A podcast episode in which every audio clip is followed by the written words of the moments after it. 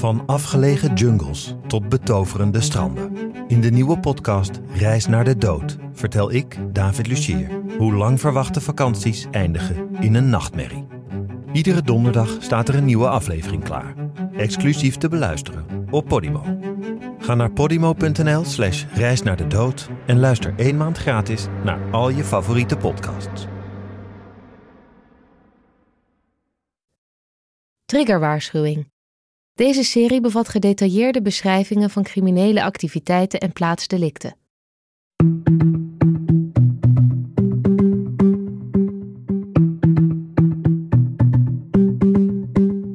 Het is 11 uur in de avond, in een drukke straat in Zuidwest-Londen.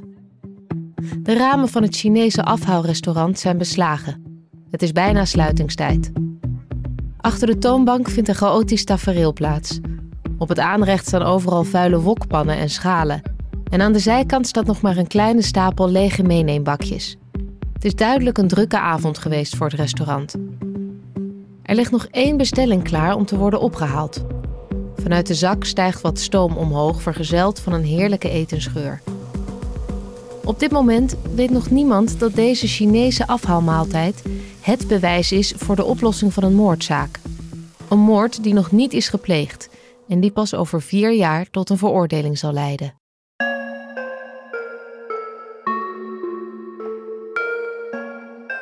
Mijn naam is Sanne Langelaar. Welkom bij Het Bewijs. Deze serie biedt een unieke kijk achter de schermen bij de meest opmerkelijke strafzaken van over de hele wereld. Luister en ontdek hoe simpele alledaagse voorwerpen het doorslaggevende bewijs worden en helpen bij het oppakken van moordenaars. Van Podimo en What's the Story Sounds is dit Het Bewijs, aflevering 5, de Chinese afhaalmaaltijd.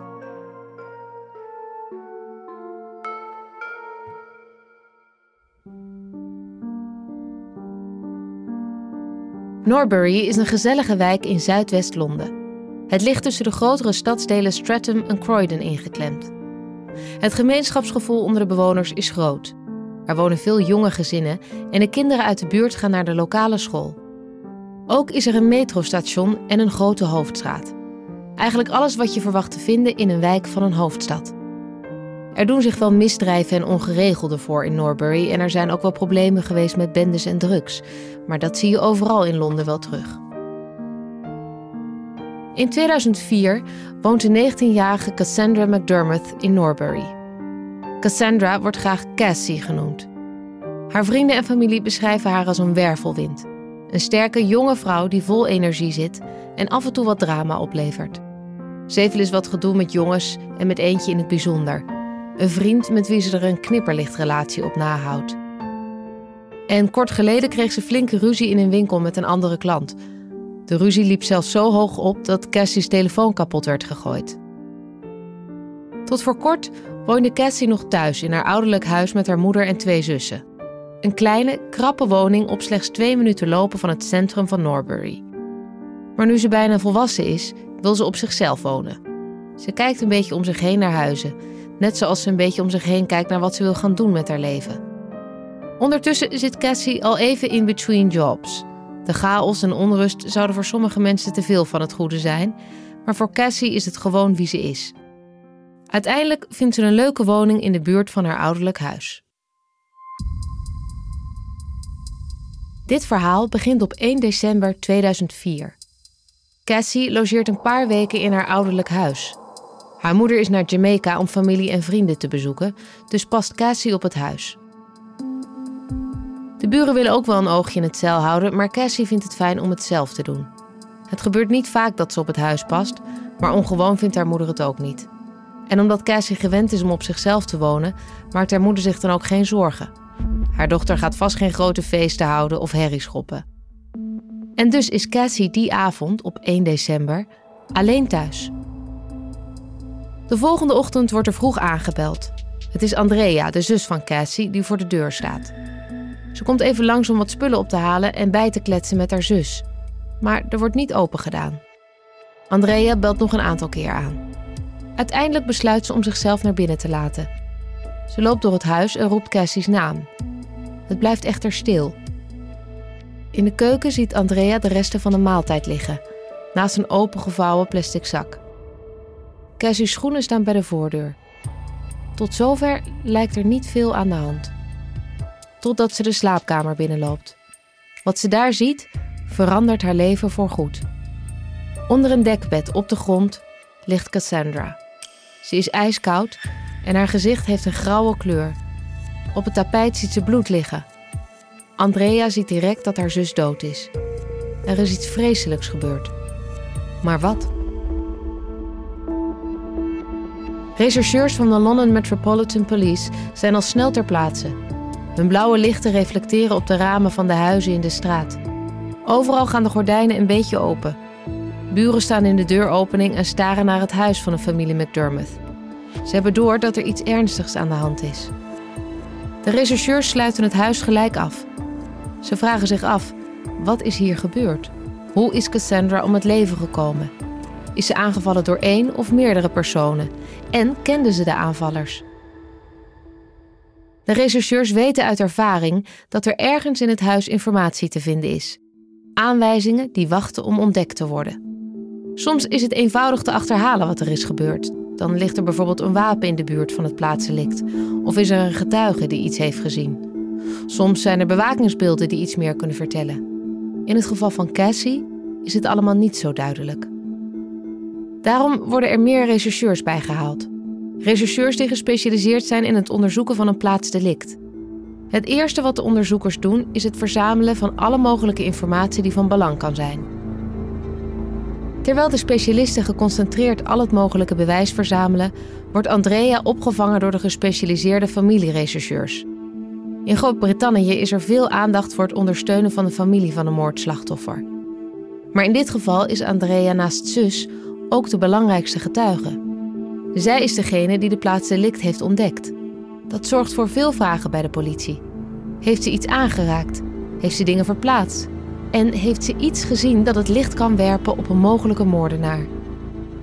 De moeder van Cassandra is ook op de hoogte gebracht. Ze is ten einde raad, want ze is zo ver van huis. In shock boekt ze de eerstvolgende vlucht terug. Ze hoopt, tegen beter weten in, dat in de chaos iemand zich heeft vergist en dat haar dochter Cassie gewoon nog leeft.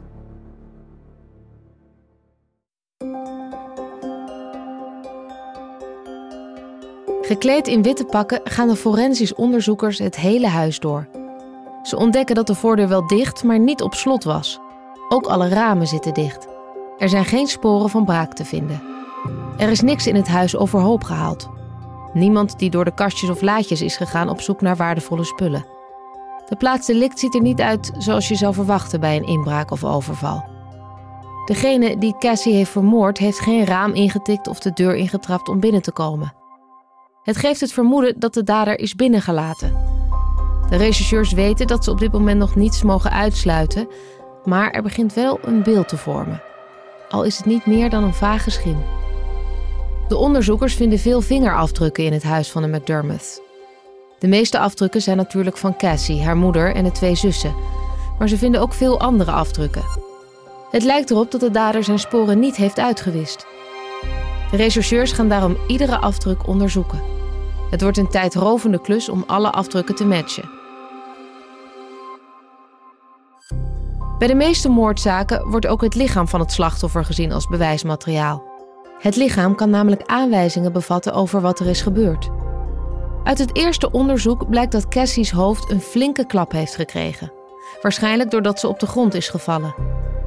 De onderzoekers denken dat het dekbed daarna over haar heen is gelegd.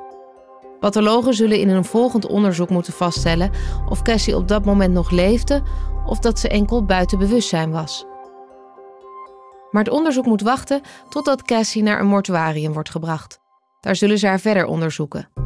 Het enige wat de politie op dit moment zeker weet, is dat Cassie is vermoord en dat iemand daar verantwoordelijk voor is. De ruimte waar Cassie werd gevonden wordt uitgebreid bestudeerd. Heeft de moordenaar een spoor van zichzelf achtergelaten toen ze werd aangevallen? Zijn er misschien vezels van zijn kleding op het tapijt terechtgekomen? Of op het lichaam van Cassandra? Heeft de aanvaller verwondingen opgelopen en is zijn bloed ergens terechtgekomen? Zijn er andere aanwijzingen? Is de moordenaar bijvoorbeeld iets verloren? Alles wordt door de politie gecontroleerd en gefotografeerd. Het kost tijd. Veel tijd. Terwijl de onderzoekers op de plaats delict ijverig hun werk doen, gaan andere politieagenten de wijk in. Ze doen een huis-aan-huis onderzoek. De politie benadert de buren die nog steeds staan te kijken naar wat zich afspeelt en klopt op elke deur die dicht zit. Ze vragen of iemand iets verdachts heeft gezien. Hebben ze een onbekende auto zien rondrijden in de buurt? Waren er ongebruikelijke activiteiten of geluiden in en rond het huis van de McDermotts? Hebben ze iemand horen schreeuwen? De politieagenten hebben goede hoop, maar er komt geen bruikbare informatie boven water. De buren zijn geschokt dat Cassie is vermoord en kunnen het maar moeilijk geloven. Niemand heeft iets ongewoons gezien. Het leek een avond als alle andere. De politie komt niet verder, dus verschuiven ze de aandacht naar Cassie zelf. Heeft deze jonge vrouw vijanden? Is er iemand die haar kwaad wil doen? Het zou goed kunnen als je naar de cijfers kijkt. Meer dan 50% van de vrouwen wordt vermoord door een partner of ex-partner. Het praten met de mannen uit Cassie's leven staat daarom hoog op de prioriteitenlijst. Er is één naam die direct wordt genoemd door haar familie en vrienden: Mario Soler. Mario is een 24-jarige semi-profvoetballer. De politie komt erachter dat Cassie en Mario zo'n vier jaar lang een knipperlichtrelatie hadden. Mario is een paar jaar ouder dan Cassie. Ze ontmoeten elkaar als hij 19 jaar is en zij nog maar 15. Cassie's familie was niet blij met de relatie. Ze vonden dat Mario het meisje te veel afleidde van haar schoolwerk. En ook het leeftijdsverschil zat het gezin niet lekker. Maar Cassie was verliefd. En al snel werd Mario onderdeel van het meubilair. Hij was vaak aanwezig. Niet alleen tijdens verjaardagen, maar ook tijdens kerst en andere feestdagen. Hij was een groot deel van Cassie's leven, iets wat de rest van het gezin met enige tegenzin accepteerde. Hun relatie blijkt behoorlijk instabiel. Het ene moment is het aan en het andere moment is het uit. De ruzies tussen de twee lopen vaak hoog op en zitten soms zelfs op het randje van gewelddadig. De relatie gaat vaker slecht dan goed. Het stel zelf noemt het passie. Ze lijken verslaafd te zijn aan de voortdurende rollercoaster van ups en downs.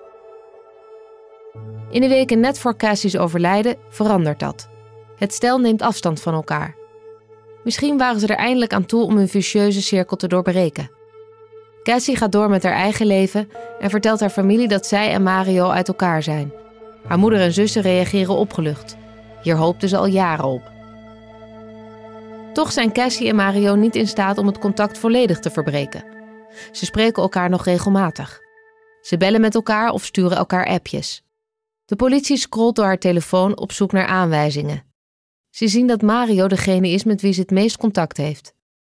Bovendien staat Mario's auto op de oprit, al is de eigenaar van de auto nergens te bekennen. Waarom staat zijn auto bij Cassie voor de deur? vraagt de politie zich af. Hebben ze elkaar gisteravond gezien? En zo ja, waarom heeft hij de auto laten staan toen hij wegging? Hoewel het in eerste instantie verdacht lijkt, ontdekt de politie al snel dat Cassie zijn auto leende. Ze heeft het hier met vrienden over gehad. Ze had namelijk een aanrijding met haar eigen auto gehad op die bewuste dag.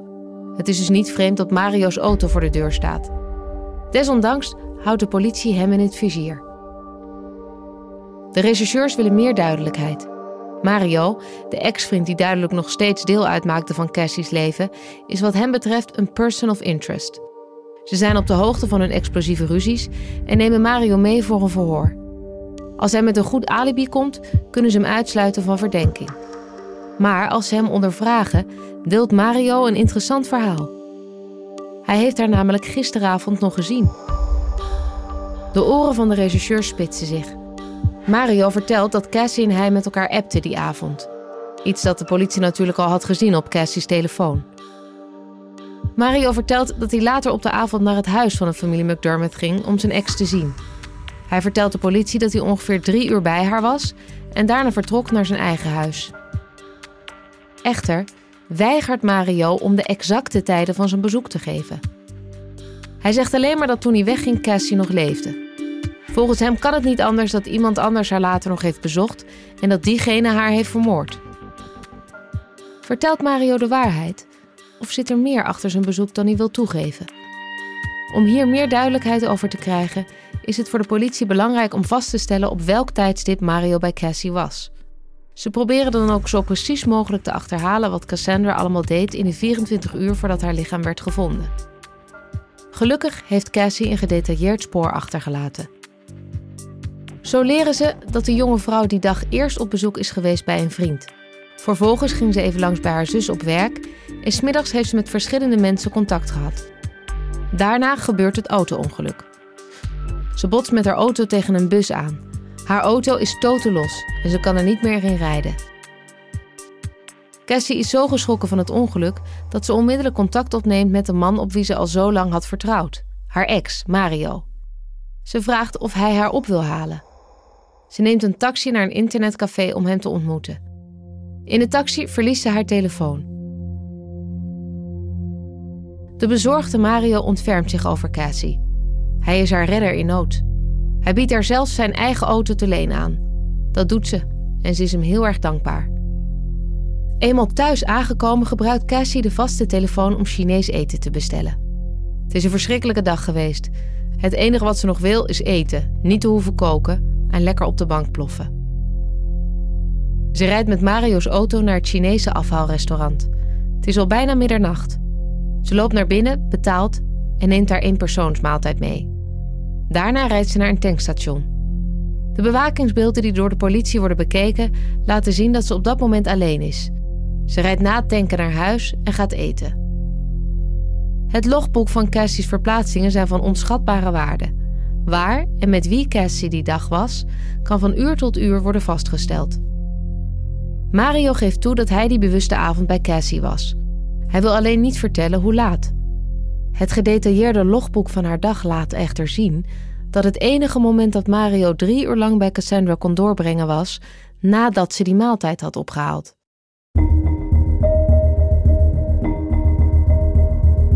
Het forensisch onderzoek van het huis levert weinig op. Ze kunnen zien dat Mario inderdaad bij Cassie thuis was. Zijn vingerafdrukken en vezels van zijn kleding zijn gevonden. Maar hij heeft toegegeven dat hij haar bezocht had. En dus zijn de vingerafdrukken en vezels niet opmerkelijk. Het bracht het onderzoek niet verder. Maar er is een andere type forensische test die voor een doorbraak zorgt. Cassandra krijgt een postmortem onderzoek. Een onderzoek om proberen vast te stellen hoe ze precies is overleden. Als onderdeel daarvan wordt ook de inhoud van haar maag geanalyseerd. Bij de meeste autopsies is de inhoud van de maag een belangrijk bewijsstuk. Het kan uitwijzen of een dood is veroorzaakt door een ongelukkig toeval of een kwade opzet. De analyse van de maaginhoud kan bijvoorbeeld uitwijzen of de overledene aan het experimenteren was met drugs of exotisch eten. Wellicht dat dit heeft geleid tot een noodlottige vergiftiging. Gifstoffen die niet in het lichaam horen, kunnen een aanwijzing zijn voor wat er is gebeurd. In dit geval onderzoekt men het voedsel dat Cassie heeft gegeten. Uit het onderzoek blijkt dat de rijst en het vlees dat Cassie heeft gegeten voor een gedeelte al is. Maar de experts ontdekken nog veel meer. Al sinds de 19e eeuw bestuderen specialisten de fysiologie van de menselijke spijsvertering. Deze wetenschap is zo nauwkeurig dat er een grote database bestaat over hoe het menselijk lichaam voedingsmiddelen verwerkt. Zo weten we bijvoorbeeld dat de spijsvertering binnen 1 tot 2 minuten in de mond begint. Voedsel gaat dan naar de maag en blijft daar 2 tot 6 uur. Van daaruit gaat het naar de dunne darm voor nog eens 8 uur. Uiteindelijk naar de dikke darm voor 6 tot 9 uur. De plek waar ze voedsel of deeltjes van voedsel in het lichaam vinden, kan wetenschappers helpen bepalen wanneer het werd gegeten. Er zijn nog meer punten om rekening mee te houden. Zo spelen de fase van hydratatie en de aan- of afwezigheid van alcohol een rol bij de snelheid van de voedselvertering. Daarnaast breekt het ene soort voedsel sneller af dan het ander. Kortom, een forensische voedselanalyse helpt om exact te bepalen wanneer een bepaald voedsel is gegeten. De wetenschappers gaan verder met het analyseren van de Chinese maaltijd. In dit geval gaat het om rijst, vlees en groenten. Ze zien dat de gedeeltelijk verteerde maaltijd zich nog in de maag bevindt. Het is nog niet volledig afgebroken. Met deze informatie maken ze een schatting. Ongeveer twee uur voordat Cassie stierf, moet ze de maaltijd hebben gegeten. Omdat de rechercheurs weten dat de maaltijd kort voor middernacht is gekocht, decuderen ze dat Cassandra rond twee uur s'nachts is overleden.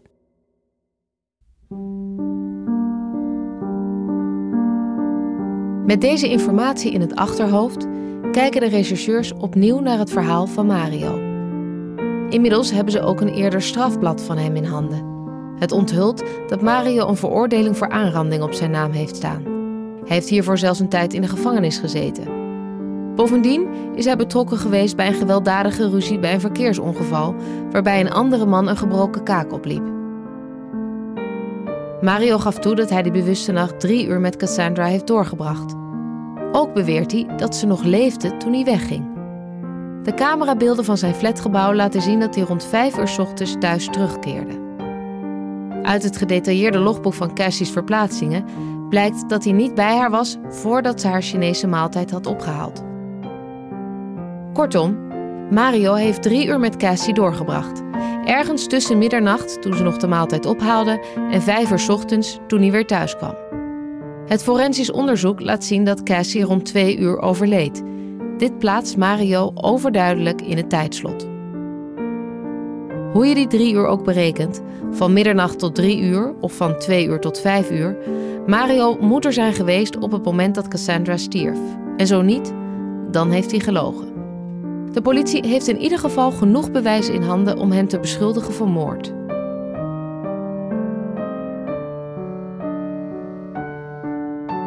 De politie gaat uit van de hypothese dat Mario een jaloerse minnaar was. Een theorie is dat hij doorhad dat Cassie voorgoed klaar was met de relatie. Hij werd vervolgens zo kwaad dat hij haar vermoordde. Voor de politie is het duidelijk. Mario is de man die verantwoordelijk is voor de dood van Cassandra. Mario Soler staat in 2002 terecht voor de moord op Cassie. In het beroemde gerechtsgebouw Old Bailey in Londen pleit hij niet schuldig. Cassie's familie moet dagenlang in de rechtbank doorbrengen. Nog rouwend om hun verlies en vol van verdriet luisteren ze naar het bewijsmateriaal dat aan een jury wordt voorgelegd. Twaalf mannen en vrouwen horen Mario ontkennen. Ze krijgen het wetenschappelijk bewijs over het tijdstip van overlijden. Vervolgens wordt er aan ze gevraagd om een beslissing te nemen. Als het hoofd van de jury terugkeert om het vonnis voor te lezen, houden zowel de politie als de nabestaanden van Cassandra hun adem in. Zodra de woorden niet schuldig door de kamer galmen, slaat hun spanning om in ongeloof. Mario Steller is vrijgesproken. Hij mag als een vrij man de rechtszaal uitlopen. En volgens de regels van het Verenigd Koninkrijk in 2002 kan hij nooit meer opnieuw terechtstaan voor de moord op Cassie McDermott. Mario droomt nog steeds van een voetbalcarrière. Maar hij realiseert zich dat voetbalclubs vanwege zijn associatie met de moord op Cassie niet staan te springen. Ook al is hij onschuldig verklaard, het schaadt zijn toekomst. Daarom besluit Mario over te gaan tot een rebranding van zichzelf. Hij verandert zijn naam officieel naar Mario McNish en mengt zich weer in de samenleving zonder achtervolgd te worden door zijn geschiedenis. Het is drie jaar na de moord op Cassie. Mario zit in een nieuwe relatie. Hij woont in Noord-Londen en gaat uit met een jonge vrouw genaamd Cara Hoyt. Het zal misschien niemand verbazen, maar ook deze relatie verloopt niet soepel. Cara zit op de kapperschool. Ze is veel jonger dan Mario. Als een kopie van zijn eerdere relatie heeft Mario Cara ontmoet terwijl ze nog op school zit. De relatie is turbulent en agressieve ruzies voeren de boventoon. Na verloop van tijd heeft Cara, net zoals Cassie, er genoeg van. Ze wil haar eigen weg gaan en hoopt op een relatie met iemand van haar eigen leeftijd. Ze maakt het uit en besluit Mario te verlaten. Haar leven zonder Mario bevalt goed. Ze heeft een nieuwe vriend en is gelukkig. Maar op 11 februari 2007 slaat het noodlot toe. Cara's nieuwe vriend vindt haar bewusteloos in de entree van haar huis. Ze heeft ernstig hoofdletsel. Het lijkt erop dat ze meerdere keren met iets zwaars is geslagen. Het lijkt een scène uit een horrorfilm. Cara wordt met haar vriend aan haar zijde met spoed naar het ziekenhuis gebracht. De reis naar het ziekenhuis duurt lang. Elke seconde lijkt wel een uur te duren. Cara's brancard wordt haastig de ambulance uitgetild. Via de dubbele deuren wordt ze het ziekenhuis binnengebracht. Er is geen tijd te verliezen. Ze heeft een spoedoperatie nodig om het bloeden in haar hersenen te stoppen. De chirurgen zijn in totaal 9 uur bezig met het verwijderen van schedeldelen uit haar hersenen. Een levensreddende procedure. Ondertussen haast haar familie zich naar het ziekenhuis. Ze voelen zich verlamd door de paniek en angst. Als haar ouders er zijn, krijgen ze te horen dat Kara's verwondingen zeer ernstig zijn. Er is een grote kans dat ze het niet haalt. De uren gaan voorbij. De klok aan de muur van de operatiekamer tikt door. Maar dan volgt er goed nieuws. Op wonderbaarlijke wijze overleeft Kara de operatie. De dokters brengen haar in een kunstmatig coma en plaatsen haar over naar de intensive care. Daar wordt ze nauwlettend in de gaten gehouden. De machine naast haar bed piept op gezette tijden om te bevestigen dat Kara stabiel is. Iedereen bidt voor haar herstel. De daaropvolgende dagen komen er veel familieleden en vrienden bij Kara op bezoek. Onder hen haar ex-vriend Mario. Hij is er kapot van en loopt over van bezorgdheid. Hij brengt zelfs een cadeautje voor haar mee en gaat in een stoel naast haar bed zitten. Hij kijkt hoe ze slaapt. Tijdens het bezoek van Mario gebeurt er iets wonderbaarlijks. Kara begint een beetje te bewegen. Haar ogen gaan langzaam open. Maar zodra ze ziet wie er naast haar bed zit, worden haar pupillen groot van angst. De dokters rennen haar kamer binnen. Ze zijn gealarmeerd door de piepjes van de machine waar ze nog aan gekoppeld ligt. Het lukt Kara niet om met de artsen te praten, maar ze zien dat de jonge vrouw van slag is. Het enige wat ze stamelend kan zeggen is: Mario.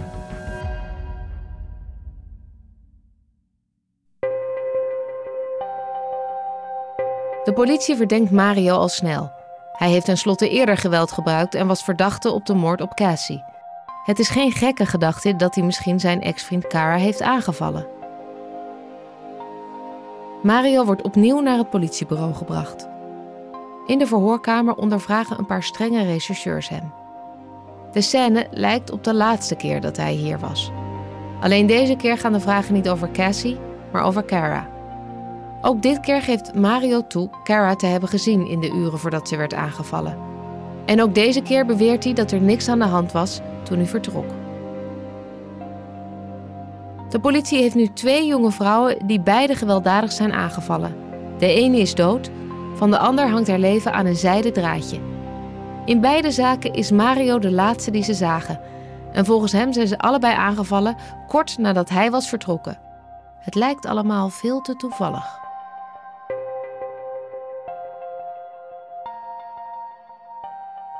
De agenten die de zaak onderzoeken, bekijken de camerabeelden die ze hebben verkregen uit de buurt van Kara's huis. Op de gekoelde, gepixelde beelden zien ze een man. Een man die overeenkomt met hoe Mario eruit ziet. Ze zien hem wegrennen van Kara's huis en in een Mercedes stappen.